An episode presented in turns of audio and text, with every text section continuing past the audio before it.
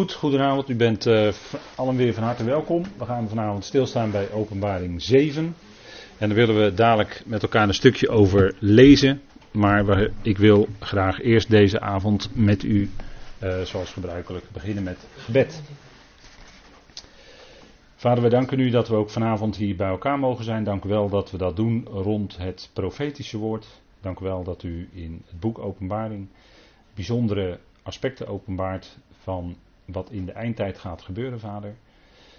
En dat zal ontwikkelingen zijn die er gaan gebeuren als wij als leden van het lichaam van Christus van deze aarde weg zijn. Maar dank u wel dat u door uw woord ons informeert over hoe dat zal gaan en dat we daar nauwgezet de vinger bij mogen leggen. Dank u wel dat u ons vanavond ook daarin wilt leiden, vader. Wilt u woorden geven, wijsheid, en geeft u ons een geopend oor, opdat we die dingen kunnen verstaan. En vader, we weten dat het dingen zijn die stappen zijn op weg naar uw grote einddoel, vader. Want u bent werkelijk liefde en u bent de redder van alle mensen. En u zult met alle mensen ook tot uw doel komen. Vader, maar deze eon, deze boze eon, moet eindigen. En dat zal binnenkort gaan gebeuren, vader. Dat is een enorme omwenteling waarbij heel veel dingen ook zullen gebeuren in het geestelijke bereik. Voor wat betreft de machten en krachten, vader. Dank u wel dat u ook daar uw zoon voor inzet, die daarboven staat en op de juiste tijd orde op zaken zal stellen. De dingen die op zijn kop gezet zijn, weer recht zal zetten. Dank u wel, vader, dat we ook daar steeds bij stil mogen staan, bij al die aspecten. Vader, we danken u dat we vanavond stil mogen staan bij die 144.000. Wat aanleiding is geweest tot veel uitleg.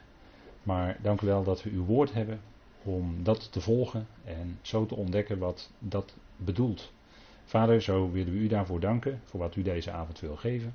Leid u daarin en mag het zijn ten diepste tot opbouw, Vader, dat we meer zicht hebben op wie u bent. We danken u daarvoor in die machtige naam van uw geliefde Zoon. Amen. Goed, ik wilde met u uh, lezen uh, het stukje uit uh, Openbaring. Het is natuurlijk een welbekend gedeelte. En een misschien wat droge opsomming van die stammen. Maar goed, we gaan het met elkaar lezen. Het staat in de schrift, dus het is van belang. En dan lees ik met u de versen 1 tot en met 8. En er staat hierna, zag ik vier engelen staan op de vier hoeken van de aarde. Zij hielden de vier winden van de aarde tegen, opdat er geen wind zou waaien op de aarde of op de zee of tegen enige boom. En ik zag een andere engel opkomen van waar de zon opgaat met het zegel van de levende God. En hij riep met luide stem tegen de vier engelen aan wie het gegeven was de aarde en de zee schade toe te brengen. En zei, breng geen schade toe aan de aarde en ook niet aan de zee en de bomen, totdat wij de dienaren van onze God aan hun voorhoofd verzegeld hebben. En ik hoorde het aantal van hen die verzegeld waren. 144.000 waren er verzegeld uit alle stammen van de Israëlieten. Uit de stam Juda waren er 12.000 verzegeld. Uit de stam Ruben waren er 12.000 verzegeld. Uit de stam Gad waren er 12.000 verzegeld. Uit de stam Aser waren er 12.000 verzegeld. Uit de stam Naphtali waren er 12.000 verzegeld. Uit de stam Manasse waren er 12.000 verzegeld. Uit de stam Simeon waren er 12.000 verzegeld. Uit de stam Levi waren er 12.000 verzegeld. Uit de stam Issachar waren er 12.000 verzegeld. Uit de stam Zebulon waren er 12.000 verzegeld. Uit de stam Jozef waren er 12.000 verzegeld. En uit de stam Benjamin waren er 12.000 verzegeld. Tot zover. Dat waren heel wat verzegelden. En u weet dat uh, eh, 144.000 al aanleiding is geweest tot veel uitleg. Maar we willen graag, uh, zoals gezegd, de schrift volgen. En allereerst zien wij dat Openbaring 7, en dat heb ik ook al een vorige keer aangegeven. Openbaring 7, dat hele hoofdstuk, geeft antwoord op de vraag die aan het einde van Openbaring 6 gesteld werd. De grote dag van hun verontwaardiging kwam. Hun is dan hem die op de troon zit en het lammetje. En wie kan staande blijven? Dat is dan de vraag. Hè? En dan wordt daar gekeken wie dat kan. En als antwoord vinden wij dan in Openbaring 7, als antwoord op die vraag, vinden wij dan de 144.000. En wie zijn nu die 144.000? En een welbekende uitleg, weet u, is bij de Jehovah's getuigen. Die menen dat zij dat zijn, maar naarmate hun aantal toenam, uh, werd dat veranderd en was dan een bepaalde elitegroep uit de Jehovah's getuigen, om het zo maar te zeggen. Misschien is elite een verkeerd woord of een vervelend woord, sorry dan daarvoor. Maar in ieder geval, dat is hun, uh, wat zij onderwijzen. Dus een groep uit Jehovah's getuigen zouden dan die 144.000 zijn. Uh, ik weet eerlijk gezegd niet uh, hoe, je, hoe men zich daarvoor moet kwalificeren of uh, wat je daarvoor moet doen. Of, dat weet ik allemaal niet. Maar dat, zoiets zal ongetwijfeld een rol spelen. En zij kennen in ieder geval een uitleg dat zij dat zijn. Hè. Zij noemen zich dan ook getuigen van Jehovah. Maar het is de vraag of dat zo is als we kijken in de schrift. Hè. We hebben net een stukje gelezen. En daarin zien we toch heel duidelijk een, een, een aanduiding van uh, eh, 12 stammen en dan 12.000 uit elke stam. Allereerst gaan we kijken naar vers 1, want daar gaan we eerst naar kijken. Daar staan vier boodschappers op de vier hoeken van de aarde. Wat hier opvalt is het getal 4. Want we moeten altijd letten in openbaring ook op de symboliek. En de, de, vaste symboliek in de schrift van het getal 4 is dat het met de aarde of met deze wereld te maken heeft. U kent uh, wellicht de uitleg dat er samen met de Heer Jezus niet twee, maar vier gekruisigd werden. Namelijk twee rovers en twee misdadigers. Twee lestai en twee kakurgoi, zegt het Grieks dan. Dat zijn verschillende woorden en die allebei in het meervoud gebruikt worden. En je kunt ook onderscheiden wanneer zij gekruisigd werden. Als op een gegeven moment in de evangeliën een beschrijving is dat er onderaan het kruis uh, gedobbeld werd om de kleding van de Heer Jezus. Als u dat moment neemt, dan ziet u dat er voor dat moment twee samen met hem gekruisigd werden, wordt er geschreven. En na dat moment worden ook nog eens twee met hem gekruisigd. Dus zo kan je het onderscheiden. Dan geef ik u even de sleutel. Er werden samen met hem vier gekruisigd. En dat wil zeggen dat de hele wereld, dus alle mensen, want u en ik hoorden ook bij die rovers en die misdadigers. En dan spreek ik even over u en ik vanuit ons vlees, want dan zijn we dat allemaal. Werden met hem mede gekruisigd. En dat is wat Paulus ook uitduidt in Romeinen 6, vers 6 bijvoorbeeld en Galaten 2, vers 20 dat de wereld of de mensheid, de oude mensheid, samen met hem werd gekruisigd. Nou, dat is zichtbaar in die vier, die twee rovers en die twee misdadigers. Dus vier heeft te maken met deze aarde, met deze wereld. Vier heeft te maken met het vergankelijke. de, en dat komt ook terug in het Hebreeuws. In de waarde van de betreffende letters. Het woord bloed in het Hebreeuws is dam. En u ziet dan, daarachter heb ik even de waardes van die letters gezet. 4, 40. Dus daarin is heel sterk het aspect van de vier aanwezig. Dam heeft heel sterk te maken met deze aarde. Het woord Adama is aardbodem. Aardbodem. Daar zit ook dat dam in, hè, die 4 en die 40. Dus het heeft te maken met de aarde. Uh, dood. Dat is moed in het Hebreeuws. 40, 6, 400. Het eindigt met de taf, dat is de 400. En daar is hij ook heel duidelijk het getal 4. Hè? Dus het getal 4 duidt uit dat wat bij deze aarde hoort, wat tijdelijk is, ook het vergankelijke aspect, of datgene wat zichtbaar is, dat heeft allemaal met het getal 4 te maken. Dus alles wat met deze aarde te maken heeft, met de zichtbare dingen. En het tijdelijke, dat zie je bijvoorbeeld ook in uh, de letter mem in het Hebreeuws, dat is getalswaarde 40. En dat is de beteken, heeft als betekenis water. En de vaste Joodse uitleg daarbij is dat het de wateren van de tijd zijn. De wateren van de tijd. Dus het tijdelijke aspect. En dan zit je dus weer met die 40. En dit is een hele eenvoudige. Um, dit is een hele eenvoudige systematische uh, symboliek. Um, En dat heeft niks met Kabbalah te maken, want dan zou ik u hele ingewikkelde rekensommen kunnen laten zien die kabbalisten maken. Maar dat heeft dan niks meer met de Bijbel te maken. Dus daar blijven we bij weg. In ieder geval ziet u dat vier heeft te maken met hè, de vier hoeken van de aarde. Wil niet zeggen dat de aarde vierkant is. Hè, dat uh, is niet direct letterlijk te nemen. Vier hoeken, dat duidt op de vier windstreken. Vier hoeken is de vier windstreken. Ik geloof wel dat de aarde rond is, maar hoe rond, dat weet ik niet. Ik weet niet of de aarde een bol is, zoals altijd wordt voorgesteld, een planeet. Dat weet ik ook niet. De Bijbel zegt dat niet zo. De Bijbel zegt wel dat bij de schepping dat God een cirkel trok, dat wel. Een cirkel, er wordt het woord cirkel gebruikt. Dus het heeft wel iets te maken met rond. Een cirkel is rond. Dus aarde moet wel op een of andere manier rond zijn. Maar hoe dat zit, ik denk erover na. Ik weet niet precies hoe het zit. Ik zoek naar bijbelse gegevens. Dus de vier boodschappers die staan op de vier hoeken van de aarde, hè, dat zag Johannes. En die vier hoeken, zoals gezegd, zijn de vier windstreken. Want dat ontdekken wij als wij andere schriftplaatsen ernaast leggen. Bijvoorbeeld Matthäus 24. Daar staat, en dan gaat het om hetzelfde gebeuren in feite. En hij zal zijn boodschappers uitzenden onder luid bazuingeschal en ze zullen zijn uitverkorenen bijeenbrengen uit de vier windstreken. Dus de vier hoeken, de vier windstreken, noordoost, zuidwest.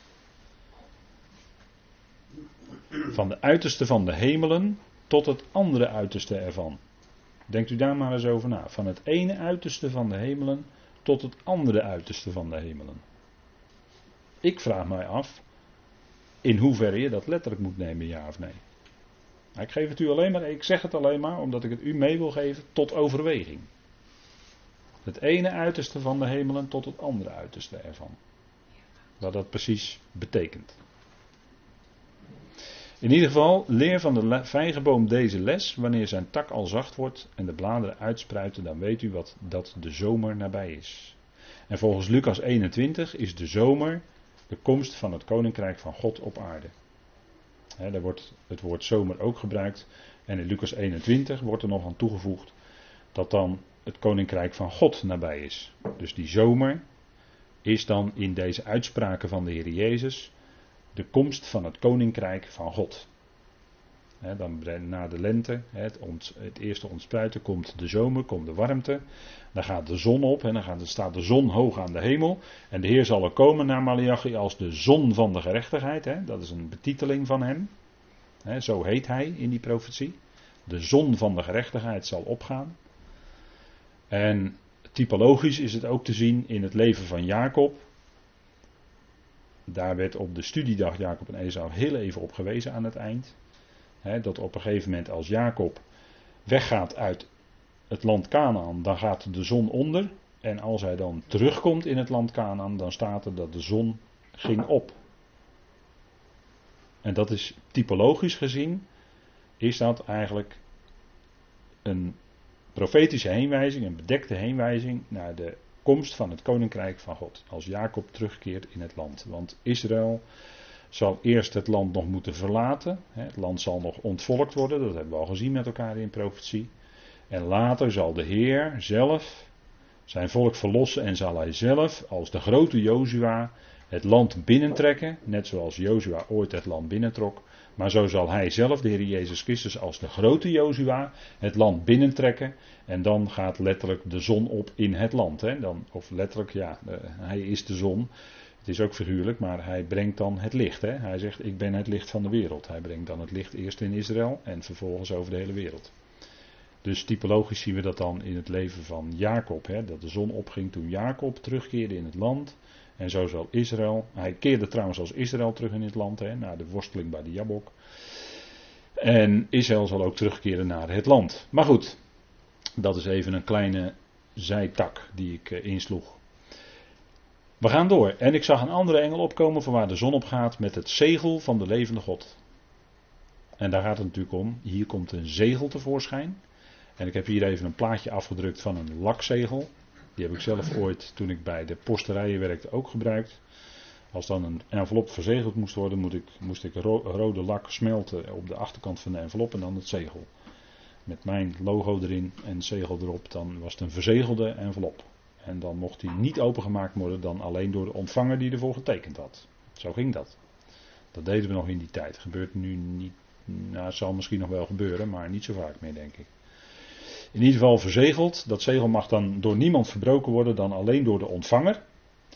En dat geldt ook voor die 144.000. Die zijn verzegeld en dat is een, wat niemand kan verbreken. Dat zullen we ook verderop nog zien in openbaring. Want in openbaring 14 in ieder geval komen die 144.000 weer terug. En ook nog op een andere plek, maar dat gaan we vanavond ook nog zien. En hij riep met luide stem tegen de vier engelen aan wie het gegeven was de aarde en de zee schade toe te brengen.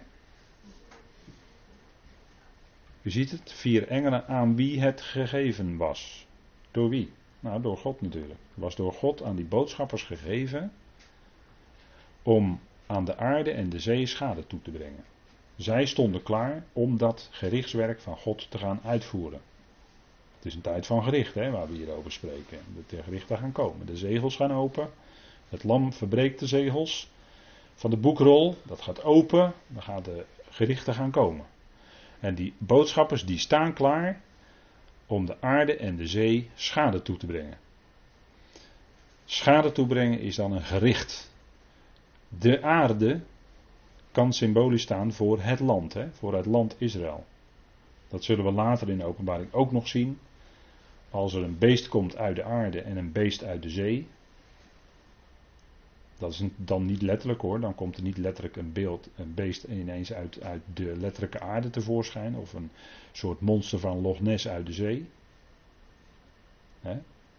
Dat gebeurt dan niet. Maar dat is symbolisch. De aarde is het land Israël en de zee is de volkeren. Dat is een vaste bijbelse symboliek. De zee is de volkerenzee. Dat blijkt bijvoorbeeld uit Psalm 65 en Jezaja 17. Die tekst heb ik op deze dia er ook bij afgedrukt. Hè? En uh, Openbaring 17, vers 15. Daar wordt gesproken over de wateren en er wordt in de uitleg tegen Johannes gezegd: De wateren die jij gezien hebt, Johannes, dat zijn volkeren en talen en menigten en natieën. Dus er wordt het uitgelegd, hè, wat de wateren zijn. dus dat is vaste symboliek in de schrift. En als we kijken naar de volkeren, dan kunnen zij ook net zo als de zee tekeer gaan. Hè? Net zoals de zee rumoer maakt en tekeer gaat en, uh, en een grote golven. Zo heb je dat ook onder de volkeren. En dat ziet Daniel dan ook. Die ziet dan een wind die dat water opjaagt van de volkeren. En dan komen, komen daar allerlei dieren uit. Dat hebben we gezien met elkaar. Hè? En die wind is dan natuurlijk ook symbolisch voor geest. Wind en geest is hetzelfde woord. Ruach in het Hebreeuws en pneuma in het Grieks. Maar het hetzelfde woord. En dat is altijd symbolisch. Hè? Dat als de Heer Jezus met zijn discipelen op, op het meer van Galilea in het bootje zit en er steekt ineens een wind op. Ja, wacht even, dat is een geest hoor die dat veroorzaakt. Zo niet de tegenwerker, die is in staat om dat te veroorzaken en daarmee uh, schade toe te brengen. Hè?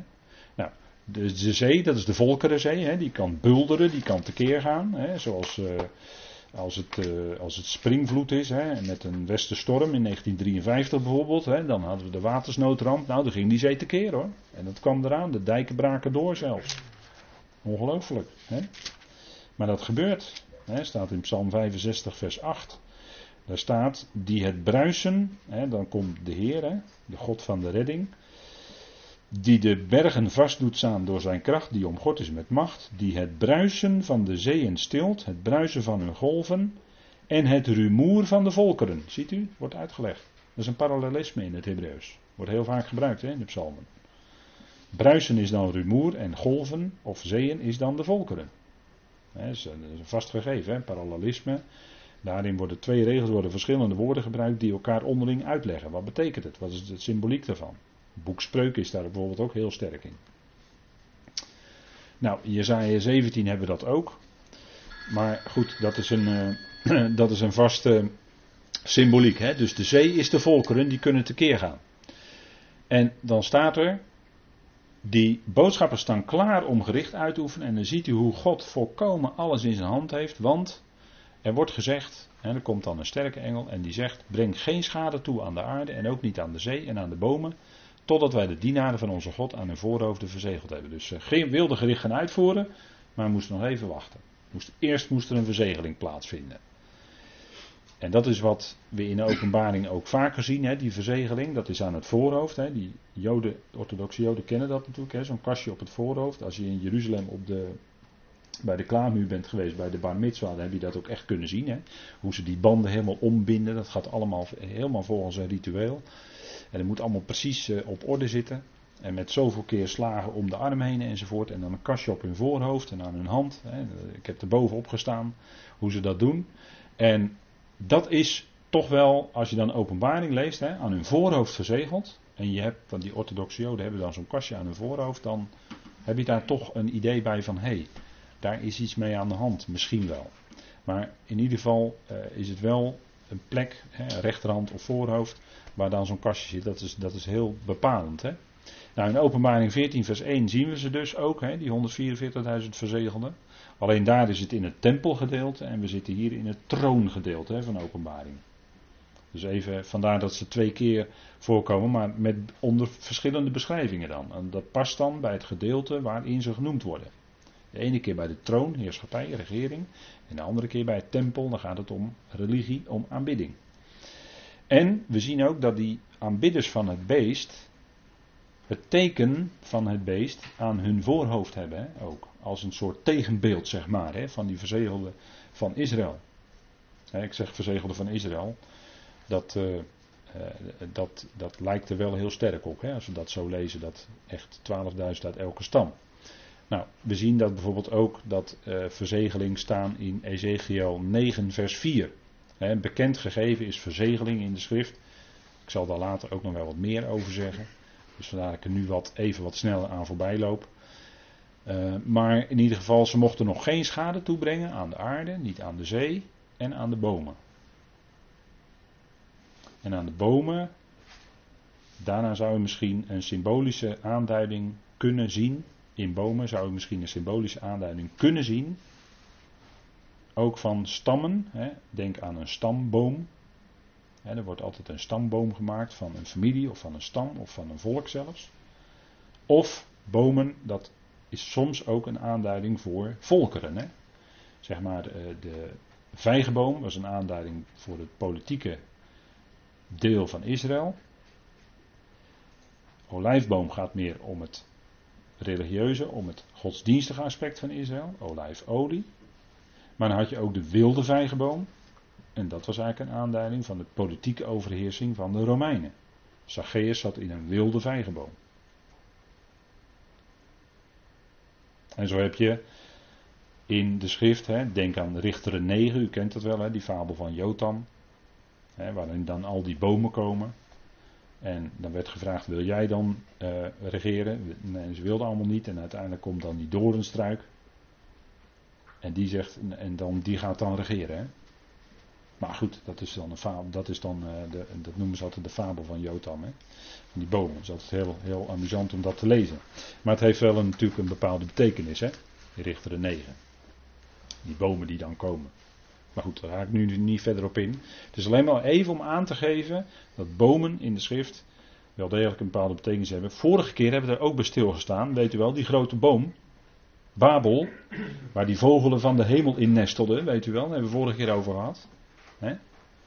Dus dat heeft ook wel een betekenis. Boom als teken van een koninkrijk of van iets wat heel groot uitgroeit. Geheimenissen van het koninkrijk der hemelen, Matthäus 13, heb ik ook naar verwezen. Die mosterdzaad, weet u wel, wat uitgroeide tot een grote boom. Waarin de, vogelen van de hemel in de takken gingen nestelen. dat had een hele bijzondere betekenis. En dat soort symbolen moet je dus kennen van de schrift als je dus openbaring leest. Hè? En dan moet je denken, nadenken bij, hé, hey, waarom staat er nou bomen? waarom staat er aarde en zee en waarom staat er ook bomen genoemd, apart? Even bij nadenken. Dus dat kan ook te maken hebben met de stammen van Israël.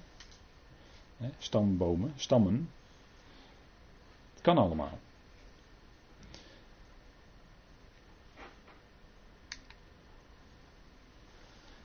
En dan vers 4. En ik hoorde het aantal van hen die verzegeld waren.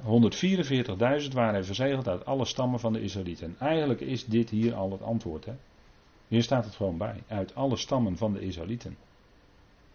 En aangezien we de Bijbel, als je de Bijbel leest, altijd allereerst letterlijk moet nemen. Letterlijk, als dat mogelijk is. Dat is een heel goed, hele goede stelregel om de Bijbel uit te leggen. En als het niet letterlijk mogelijk is, dan moet je gaan kijken of het figuurlijk wordt gebruikt. Dat is heel belangrijk. Maar altijd eerst letterlijk nemen. Letterlijk als dat mogelijk is. En als we hier gewoon uitgaan van de letterlijke betekenis, dan zijn het gewoon 144.000 uit 12 stammen van Israël. En hier wordt niet gesproken over het geestelijke Israël. En het geestelijke Israël is ook een uitdrukking die je in de schrift niet tegenkomt. Want als dat echt een geestelijke betekenis bedoeld wordt, staat er het er ook bij. Bijvoorbeeld in Openbaring wordt van Jeruzalem gezegd dat het de stad is die geestelijk genoemd wordt. Let je op het woord geestelijk. Die geestelijk genoemd wordt Sodom en Egypte. Dan staat het erbij. Maar hier staat het er niet bij. Hier staat uit alle stammen van de Israëlieten. En dan moeten we uitgaan van de normale, gewone, letterlijke betekenis. Anders wordt het uitgelegd. Hè? In openbaring heb je dat vaak. Vaker dat er dan wordt gezegd, die hebben we ook al gezien in de eerste hoofdstukken trouwens, die zeven bergen, openbaring 17 bijvoorbeeld, die zeven bergen, dat zijn zeven koningen. Wordt het uitgelegd? Dat is de uitleg. En het is nog dan een beeld, het is een dubbel beeld daar, maar goed, dan wordt het erbij gezegd. Maar hier wordt niet gezegd dat dit bijvoorbeeld geestelijk Israël is of wat dan ook. Dus er is geen enkele aanleiding om te veronderstellen dat het hier om iets anders zou gaan dan het letterlijke volk Israël. Die zonen, dat waren allemaal zonen van Jacob. En dat gebeurde, u kent die geschiedenis wel uit het boek Genesis. En ik heb, ben daar toch even wat naar gaan kijken. Die werden in het leven van Jacob verwekt bij vier vrouwen. Allereerst Lea, die kreeg zeven kinderen, zes zonen en één dochter Dina. Lea betekent bezorgd of uitgeput. En ehm, dat is ook wel zo als je haar uitspraken leest, hè, bij, uh, als zij steeds in die relatie is met Jacob. Zilpa betekent druppel of afdrijpsel, of je kan denken aan een traan die over de wang biggelt. Uh, die kreeg twee kinderen. Dan hebben we Rachel, dat betekent ooi, een vrouwelijk schaap. Die kreeg ook twee kinderen. En dan Bilha, de slavin van Rachel, die kreeg ook twee kinderen. En Bilha betekent zwakheid of timide zijn. Inwendig heeft iets te maken met inwendig trillen, hè, die naam vanuit het Hebreeuws. Dus even, ik heb even de betekenis van de namen er ook bij gezet, omdat ik dat altijd belangrijk vind. Hè, dat we dat even meenemen. Even tussendoor een nieuwsflits. In de, op de website Breaking Israel News werd op 10 november gemeld dat het Sanhedrin heeft gevraagd of de gekozen aanstaande president Donald Trump en de Russische president Poetin samen willen werken om te helpen bij de herbouw van de tempel. Ik zou zeggen, neemt u dat mee. Hè? Misschien kent u dat, dat, dit stukje nieuws wel, maar ik zou zeggen, neemt u dit mee, want dit zijn opmerkelijke ontwikkelingen. Geef erbij aan dat God verrassende dingen doet. Als u het mij vraagt. Op de ene dag denkt bijna de hele wereld dat één iemand tot president van Amerika wordt gekozen. En op de volgende dag blijkt het toch die andere te zijn. Die niet gedacht werd dat die het zou worden. En die werd het dus wel. En dat is een verrassende manoeuvre die natuurlijk door God geleid is. Dat kan niet anders, want God leidt alle dingen. Ook die, ook in, zeker ook in dit grote wereldgebeuren. En bleek dan ineens Donald Trump te zijn. En meestal is het zo dat de media in ons land op de hand zijn van de democratische kandidaat, omdat de media hier door de bank genomen behoorlijk links georiënteerd zijn. En in de Democratische Partij zit een sterke communistische inslag. En bij de Republikeinen, de, de republikeinse kandidaat, wordt doorgaans hier in de pers als een beetje dommig voorgesteld. maar dat kon wel eens anders zijn dan men zich doet voorstellen hoor. Maar het is wel opmerkelijk dat dus het Sanhedrin deze vraag heeft uitgezet bij deze presidenten. En nu moet u wel goed beseffen dat de schoonzoon van Donald Trump orthodox Joods is. En dat de dochter van Trump ook tot het orthodox Jodendom zich heeft bekeerd. Dus dat is een hele sterke aanwezigheid in de familie vanuit het vanuit het Joodse achtergrond. Hè? Dus een hele sterke aanwezigheid. En dat is natuurlijk toch sterk bepalend. En uh, Trump is iemand die heel sterk uh, pro-huidige staat Israël is, pro-Zionisten is. Dus veel sterker dan de democratische kandidaat. Veel sterker. Dus dat is toch opmerkelijk. Dus ik wilde u dat toch even meegeven dat deze vraag door het Sanhedrin is uitgezet. En u weet dat onlangs uh, ook het Sanhedrin de hoge priester heeft benoemd, hè, de Kohen Gadol. hebben ze ook een hoge priester benoemd. Dus uh, u ziet dat er allemaal stappen worden gezet op weg naar. Hè. En we zitten er dus dichtbij. Dat, dat begrijpt u. Goed, even, dit was even de actualiteit. Gaan we weer verder terug naar uh, openbaring.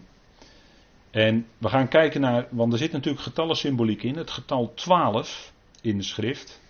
Waar heeft dat mee te maken? Want het gaat hier om 144.000. En het gaat om 12 stammen. En het gaat om 12.000 uit elke stam. Dus het getal 12 komt sterk naar voren. En waar heeft dat mee te maken volgens de schrift? Het heeft te maken met de goddelijke regering. Goddelijke regering. En bij het getal 10, en dit heb ik ontleend aan het boek Number in Scripture van E.W. Bullinger, Dr. E.W. Bullinger, die van de Companion Bijbel, die heeft ook een boek geschreven over getallen in de Bijbel. Dus daar heb ik dit aan ontleend, dus dat kunt u zelf naslaan. Uh, het getal 10 is eigenlijk de volkomenheid van de goddelijke orde. Hè. Vandaar dat het woord van God vaak in 10 is. Hè. God spreekt dan 10 keer, bijvoorbeeld in Genesis 1. Of de tien woorden hè, die tot Israël werden gesproken bij de Sinaï. En, en dan kun je met heel veel voorbeelden aanvullen. Maar kom je bij het getal 11, dan wordt er iets aan die 10 toegevoegd. En dan ben je nog niet bij de 12. Dus dan zit je eigenlijk tussen de 10 en de 12 in. En dan zit je nog niet aan het voorkomen getal van regeren.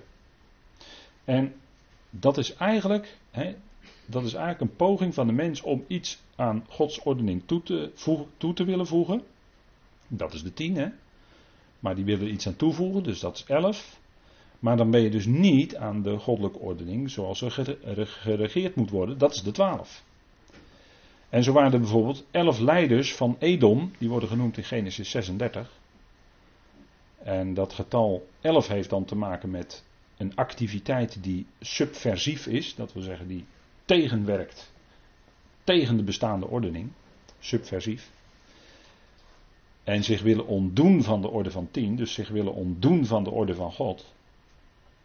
daar heeft het getal 11 heel sterk mee te maken. En, de en er waren ook 11 leiders van Edom, die opstandig waren. Genesis 36, zoekt u het maar na. Er waren, op het moment dat die elf zonen van Jacob samen gingen spannen, was er sprake van verzet tegen Jozef. En dat deden ze met z'n elfen. Verzetten ze zich tegen die ene zoon, tegen Jozef. Met andere woorden, onder die elf, zwaar niet compleet, was er sprake van een vorm van desintegratie. En je ziet het ook als de menselijke regering, die bewust afvalt van God, hè, afgoderij in het land, in het land Israël dan reikt hij maar tot de elf. Zo was er elf jaar regering van Joachim. Toen Nebukadnezar gestuurd werd door God. De eerste keer, hè, want er kwam meerdere keren op bij, in het land. Hè, maar Joachim kwam Nebukadnezar, u kunt het nalezen, 2 Koningen 23 vers 36. Er staat in het elfde jaar van de regering van koning Joachim. En er was sprake van de komst van Babel, desintegratie. Zo ook bij koning Zedekia. Dat was de laatste koning van Juda. Elf jaar duurde zijn regering en toen kwam Nebukadnezar. Toen werden ze definitief weggevoerd in ballingschap uit Juda naar Babel. Hè? 2 Kronieken 36.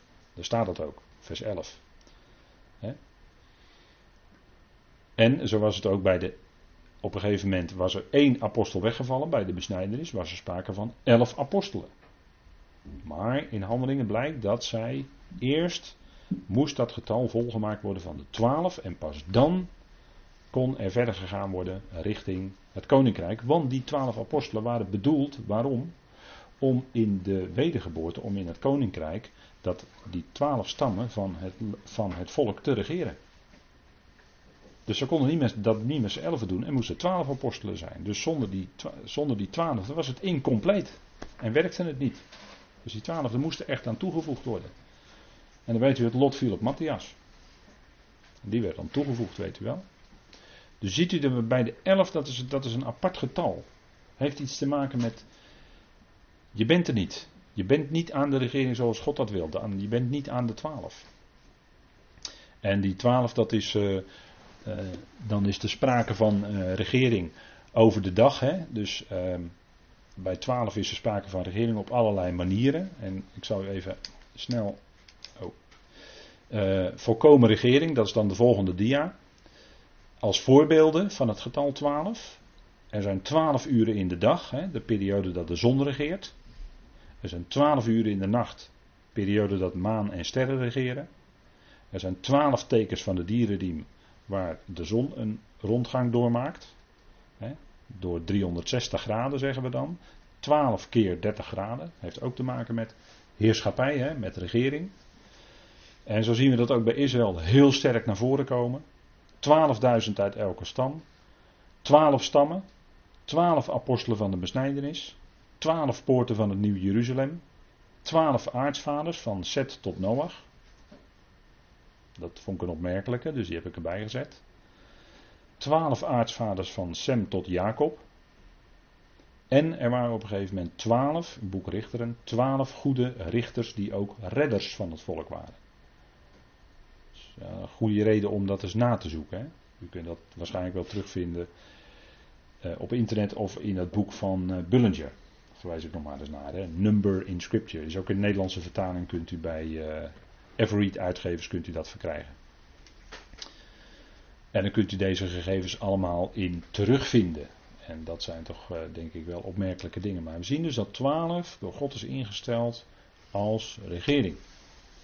En uh, daar, daar kan niet van afgeweken worden. Hè. Zodra je bij 13 bent, dan is het uh, eh, 13 is een getal ook van rebellie in de Bijbel. 13 is ook het getal van omwenteling.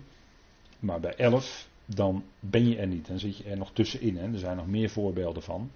Maar goed, dat, dat voerde voor nu even te ver. Maar in ieder geval, omdat dat getal 12 zo sterk naar voren komt bij deze 144.000, denk ik dat het goed is om even deze gegevens met elkaar door te nemen. Zodat u een idee heeft van wat dat betekent. Hè? Getallensymboliek is ook altijd heel belangrijk in de schrift. Deze sla ik nog even over. Um, uit de stam Juda, we gaan dan even heel snel de stammen nalopen. Als eerste wordt gezegd uit de stam Juda 12.000 verzegelden. En we gaan ervan uit dat het gewoon letterlijk zo zal zijn. Dat er dus in die tijd 12.000 uit de stam van Juda, precies 12.000 hoor, uit de stam van Juda verzegeld zullen zijn. En die zullen dan ook door God bewaard worden. Verzegeld en dus bewaard. Als God verzegelt, dan kan het niet verbroken worden door niets of niemand. En Juda, daarbij toen, dat is de vierde zoon van Lea. En toen Juda geboren werd, toen zei Lea, ditmaal zal ik JW loven. En zij gaf hem de naam Juda. En dat betekent, zoals u weet, lofprijzing. He, Jehuda. En dat komt van um, Yada, als ik het goed zeg. Yada. En dat betekent uh, lofprijzen. En dat, het idee daarbij is dat je dus je hand of je hand of je, in ieder geval je rechterhand of je handen uitgestrekt in, in de lucht doet. Als teken van dat je de Heer wil prijzen. Lofprijzing. Dus dat is het idee van die hand. He. Dat is de jot. Het woord begint ook met de jot, Jehuda. En in het Jiddisch is dat dan een jat. We kennen dat ook wel, dat jatje waarmee de overschrijvers de boekrol aanwijzen. Mogen ze niet aanraken, hebben ze zo'n zilveren jatje voor. We hebben die er ook ergens een hangen in de kamer. En uh, daarmee kunnen ze dan de schrift aanwijzen, want ze mogen dat niet aanraken. Nou, dat is een jat, een hand. Hè? Dus die hand als teken van lofprijzing. En het symbool van de stam van Juda is de leeuw. Hè? Dat is het symbool. En daarom wordt de Heer ook genoemd de leeuw uit de stam van Juda. De stam van Juda is ook bedoeld om de, is, de, hè, is de stam waarin, waarin de koningslijn zit. Hè. David was uit de stam van Juda. En de Heer is ook later uit de stam van Juda. En de Heer was ook bedoeld als uh, hè, tot, tot koning. Hij kwam ook qua koningslijn uit de stam van Juda, hè, zegt Matthäus 1. Hè, de Heer Jezus. Hij kwam ook uit de stam van Juda. En daarom kon hij tijdens zijn aardse leven geen priester zijn. Waarom niet? Nou, hij was niet uit de stam van Levi. Want de stam van Levi was de stam van de priesters. En de Hebreeën schrijver zegt ook dat uh, over de stam van Juda uh, de Heer met geen woord gerept heeft over priesterschap. Vandaar dat de Heer uit de stam van Juda komt en hij zal dan de koning van de koningen zijn en de Heer van de heren. En uh, daardoor kon hij tijdens zijn aardse leven geen priester zijn. Ja, en de zegen, Mozes spreekt zegen uit over al die stammen.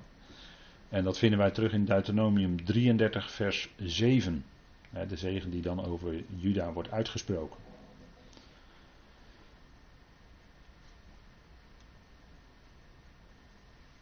Ja, dan gaan we naar de volgende, de stam Ruben. Die wordt hier als tweede genoemd, maar u weet dat dat de eerstgeborene was van Lea, hè? Ruben. En zij zei daarbij, Lea, JW heeft mijn verdrukking gezien. Voorzeker, nu zal mijn man mij lief hebben. Want u weet uit de Bijbel dat Jacob Rachel lief had en niet Lea. Rachel was uiterlijk schoon om te zien, maar Lea had tedere ogen, staat er dan. En Lea had verdriet. Lea zat in de verdrukking. Want zij voelde dat zij de tweede was. Dat zij niet de belangrijkste was in het leven van Jacob. En zij zegt er dan ook bij, en daar, daar spreekt natuurlijk haar verdriet uit. Voorzeker, nu zal mijn man mij lief hebben. En ze gaf hem de naam Ruben. En Ruben, dat betekent zie een zoon. het woord ben is zoon. dat komt van het Hebreeuwse werkwoord bana, bouwen. En het woord ben is dan het zelfstandig naamwoord, dat is dan de zoon. En Ru, dat is dan afgeleid van het Hebreeuwse ra'a, dat betekent zien. Dus vandaar zie een zoon. En hij is de eerste zoon van Lea, hè, uit Genesis 29, vers 32. En het symbool, uh, wat ook bij, uh, bij Ruben is, dat zijn de, als ik het goed zeg, de. Ben ik even kwijt. Ik dacht de liefdesappelen, dus de alruin. Ehm, dat is de alruin, dat is een bepaalde ja, die ziet eruit als een, eh, als een hele grote radijs, zeg maar. Als je hem ziet, die vrucht. Dat is het symbool bij Ruben. En de zegen die dan uitgesproken wordt, is uh, terug te lezen in Deuteronomium 33, vers 6. Maar dat voert even te ver om dat allemaal op te zoeken. Maar ik geef het maar even aan, hè, bij al die stammen, wat dan precies de aanduiding is die bij een geboorte gegeven werd. En hier wordt dus ook een andere volgorde aangehouden. Eerst Juda, en dat is denk ik ook wel logisch in het boek Openbaring, omdat we hier in het, A, in het troongedeelte zitten en Juda de koningslijn heeft en dus hier bovenaan moet staan. Dat, dat is mijn vermoeden. Dan de stam Gad, ook 12.000. En bij Gad zegt, wordt er dan gezegd, uh, het geluk is gekomen. En dat is de eerste zoon van de slavin van Lea Zilpa. Het geluk is gekomen. Gat, dat heeft te maken met de strijd. Hè? U ziet daar strijders en ook tenten. daar zijn verschillende symbolen van bekend, van de stam Gad, maar dat zijn ook legertenten zo te zien. Dus dat is de stam waarin ook wel de strijd kwam. Maar Gad betekent eigenlijk voorspoed of welvaart. Er werd bij zijn naam gezegd: Het geluk is gekomen. En we zien in Deuteronomium 33, vers 20 en 21 de zegen die daar uitgesproken wordt. Dan Azer, dat is de tweede zoon van Zilpa. Want ik ben, want wat ben ik gelukkig, want de vrouwen zullen mij gelukkig prijzen. Daarom gaf zij hem de naam Azer. En Azer betekent gelukkig. dat, uh, Psalm, 1, Psalm 1, vers 1 begint bijvoorbeeld met dat woord, gelukkig. En dan staat er, uh, in, in de Statenvertaling staat er zelfs wel gelukzalig.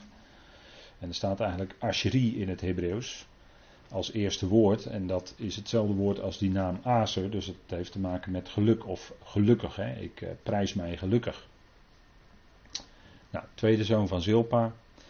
En heeft als uh, uh, symbool de. Even kijken. Nou, daar wil ik even af zijn, de, het symbool. Ben ik heel even kwijt, sorry. De zegen in ieder geval, Deuteronomium 33, vers 24 en 25 wordt daar uitgesproken. En um, dat zou heel goed de symboliek van de olijfboom kunnen zijn. Ik vermoed dat het olijfboom is. Dan de stam Naphtali. Dat is de zoon van Bilha, de slavin van Rachel. En dat heeft te maken met strijd. Hè. De naam Naphtali betekent strijder of strijden. Of mijn strijd, hè, als je die i als mijn wil opvatten. Mijn strijd. Ik heb, ik heb een zware strijd met mijn zuster gevoerd, ik heb ook gewonnen. Zegt Rachel dan een beetje hier triomfantelijk. Hè, want ze zag natuurlijk dat bij Lea allerlei kinderen werden geboren. En bij Rachel uh, gebeurde dat niet. Dat gebeurde toen de Heer zag dat Rachel meer geliefd was dan Lea, sloot hij de baarmoeder van Rachel toe en opende hij de baarmoeder van Lea. Dat soort bewoordingen staat in Genesis. Dus dan ziet u hoe, dat, hoe de Heer dat dus bepaalt. Hè. Dat degene die, en dat is altijd, bij die aartsvaders was het altijd zo, degene die onvruchtbaar was, die blijkt dan later toch nakomelingen te kunnen krijgen. Maar dan is het de Heer die dat geeft. En deze, die, die notie zijn we natuurlijk in onze vertechnologiseerde samenleving kwijtgeraakt. Hè. Dan, uh, dan uh, gaan we uh, reageerbuisbevruchting enzovoort toepassen en, en, dat soort zaken. En dan gaan we als het ware zelf de, de zaken in handen nemen. Hè. Maar deze notities uit de schrift, dat de Heer is die het geeft ja, dat zijn we dan toch eh, een beetje in onze samenleving, in onze westerse samenleving kwijtgeraakt. Dus ik wilde dat toch even aangeven.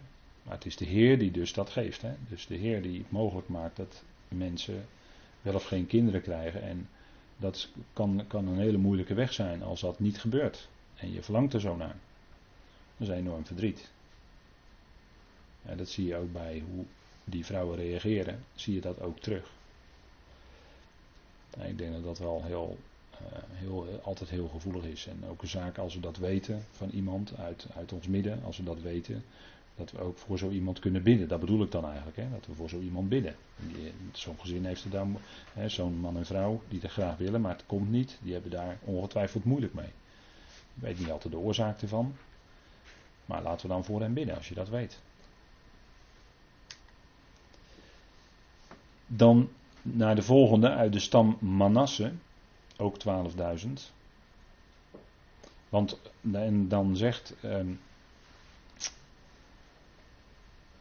dan wordt daarbij gezegd, hè, dat was namelijk de uh, zoon van Jozef. Uit, uh, dat was de zoon van Asnat, de dochter van Potifera, een priester uit On. Bij de geboorte van Manasse werd er gezegd, want God heeft mijn al mijn moeite en heel mijn familie doen vergeten. Daarom gaf Jozef hem de naam Manasse. En Manasse betekent ook doen wegnemen. eigenlijk is het afgeleid van een werkwoord dat heeft te maken met vergeten of negeren.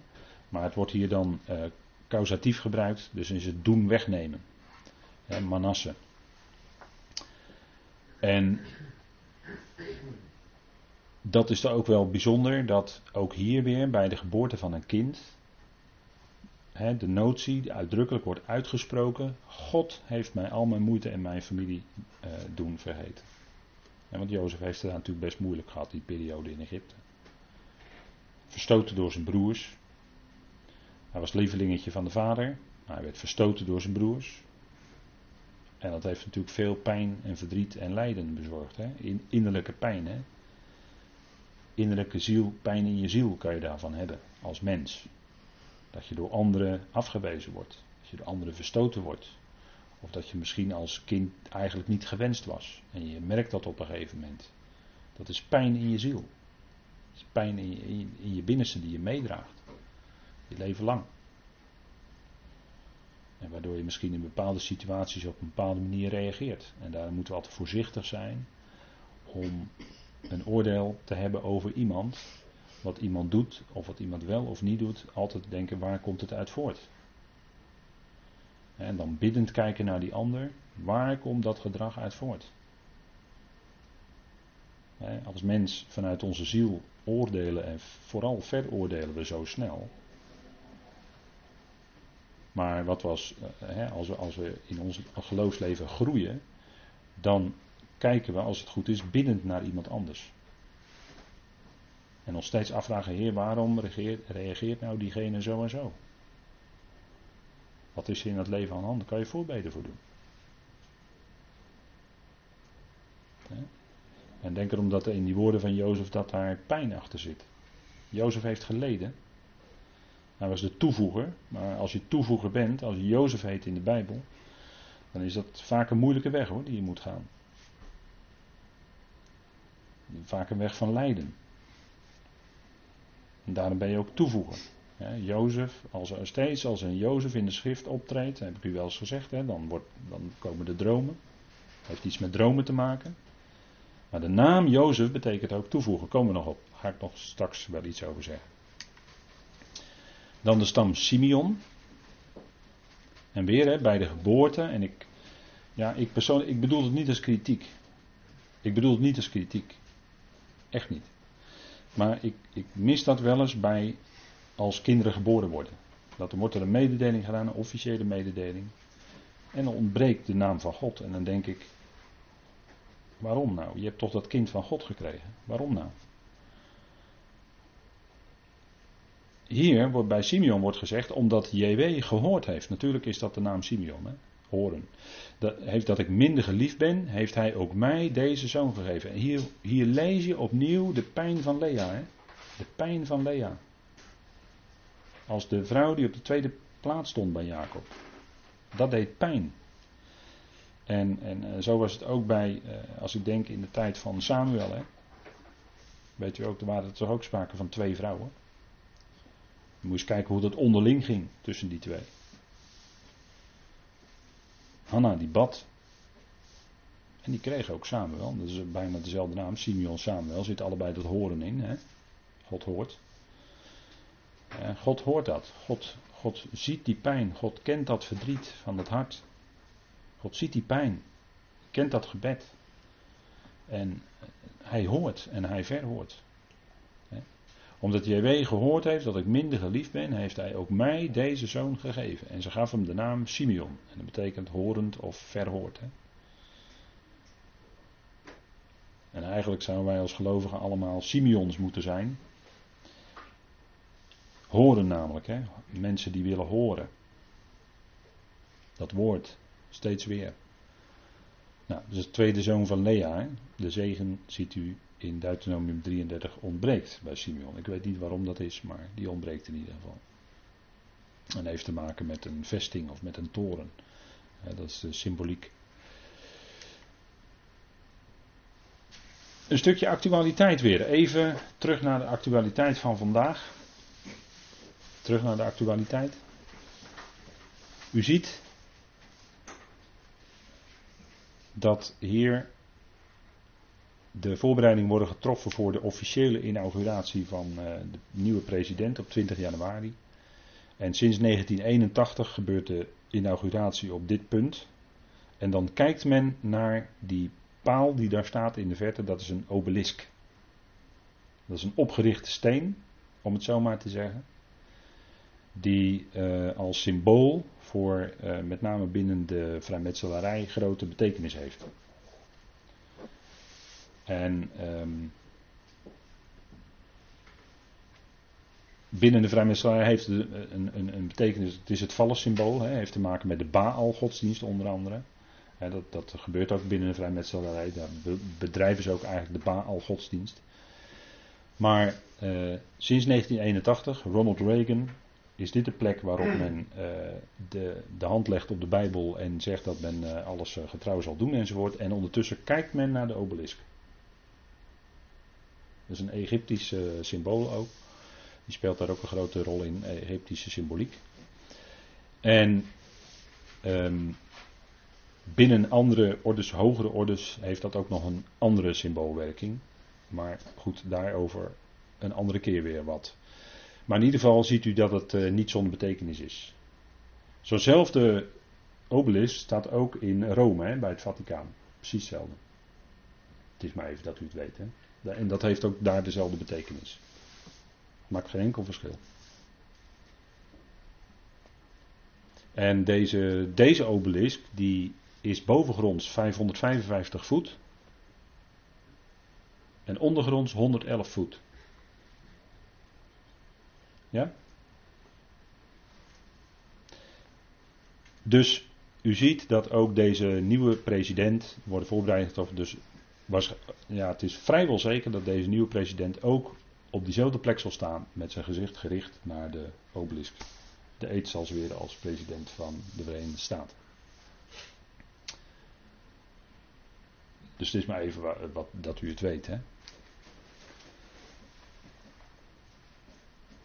Goed, we gaan even terug naar de, naar de stammen. Uit de stam Levi 12.000.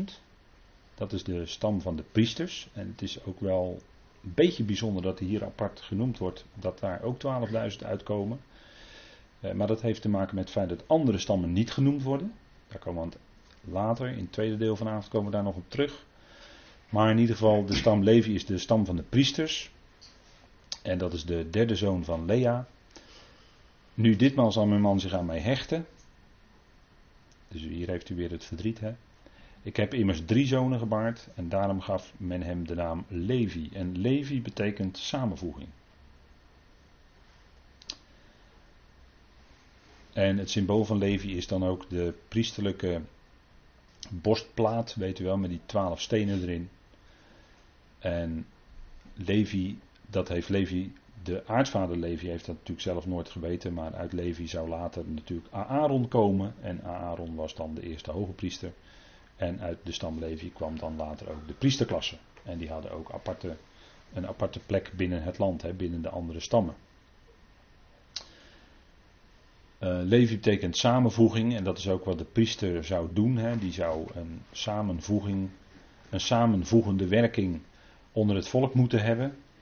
En dat was onder meer doordat de priester de taak had binnen Israël om ook te onderwijzen vanuit de Torah. De uitdrukking de lerende priester was een vaste uitdrukking binnen het volk. Men kwam ook naar de tempel om te leren, om onderwijs te krijgen. Dat deed de Heer Jezus ook. Hè? Die ging naar de tempel en die ging dan in gesprek met de schriftgeleerden.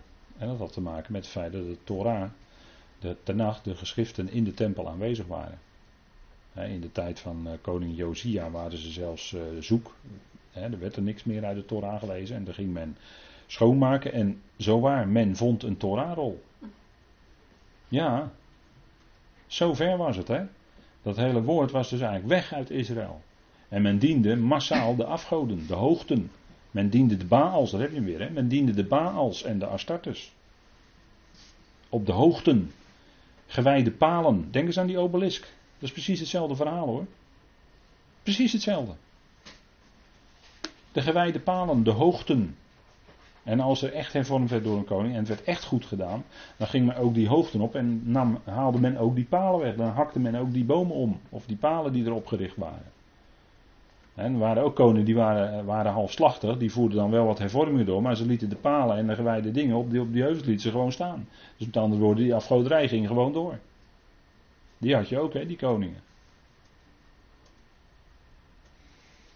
Ja, en dat was kwaad in de ogen van JW natuurlijk. En vandaar dat uh, bij, bij tijd en gelegenheid koning Nebukadnezar kwam, bij Joachim en bij Zedekia. Waarom? Eruit uit mijn land. Als jullie je niet aan mijn Torah houden, dan haal ik je eruit. Had de Heer ook gezegd hoor. Het is zijn land. En hij bepaalt wat daar gebeurt hoor. En dan kunnen ze heel lang doorgaan met afgoderij, maar op een gegeven moment, wat in de Torah staat, zal ook dan een keer gebeuren. Dat zal de Heer ook dan een keer gaan doen. En dan worden ze weggehaald. Ballingschap. Daaruit. Je zult geen andere goden voor mijn aangezicht hebben. Je zult je geen gesneden beeld maken. En daar kan je niet altijd ongestraft maar mee doorgaan. Dat kan niet. Daar moet dan een keer iets op komen. En dat, gaat, en dat ging ook gebeuren. En dat gaat ook in de nabije toekomst weer gebeuren hoor. want het volk als geheel, dat dient de Heer niet hoor. Het volk wat nu in, daar in het land is, dat dient de Heer niet. Ja, en dan, dan moet het gericht weer gaan komen. En dat gaat ook komen. Daar zijn we mee bezig met het boek Openbaring. Het gericht komt eerst op het huis van God. Dat is Israël, zegt Petrus. Hè? Het gericht komt eerst op het huis van God. Nou, Israël. Daar gaat het beginnen. Zo, zo doet de Heer dat. Die laat het allemaal maar niet gaan. Dat zullen we ook nog zien hoor. En de stam Issachar. God heeft mij beloond, staat er dan. Dat betekent, dat betekent de naam Issachar ook. Hè. Hij zal loon geven. Hele mooie betekenis. Hè? Hij, met hoofdletter of hij, kleine letter. Zal loon geven, betekent Issachar. God heeft mij beloond omdat ik mijn slavin aan mijn man gegeven heb. En zij gaf hem de naam Issachar. Vijfde zoon van Lea. En de zegen is dan in Deuteronomium 33 vers 18 te lezen, hè, die Mozes dan meegeeft. En dat is, de symboliek is ofwel de zon en de maan, die heb ik dan ergens vandaan gehaald, maar uit de synagoge van uh, Enschede uh, komt het symbool van de uh, kameel. En ik denk dat dat wel de juiste, het juiste symboliek is. Lastdier in ieder geval. Heeft te maken met Lea. Goed, ik stel voor dat we even met elkaar gaan pauzeren.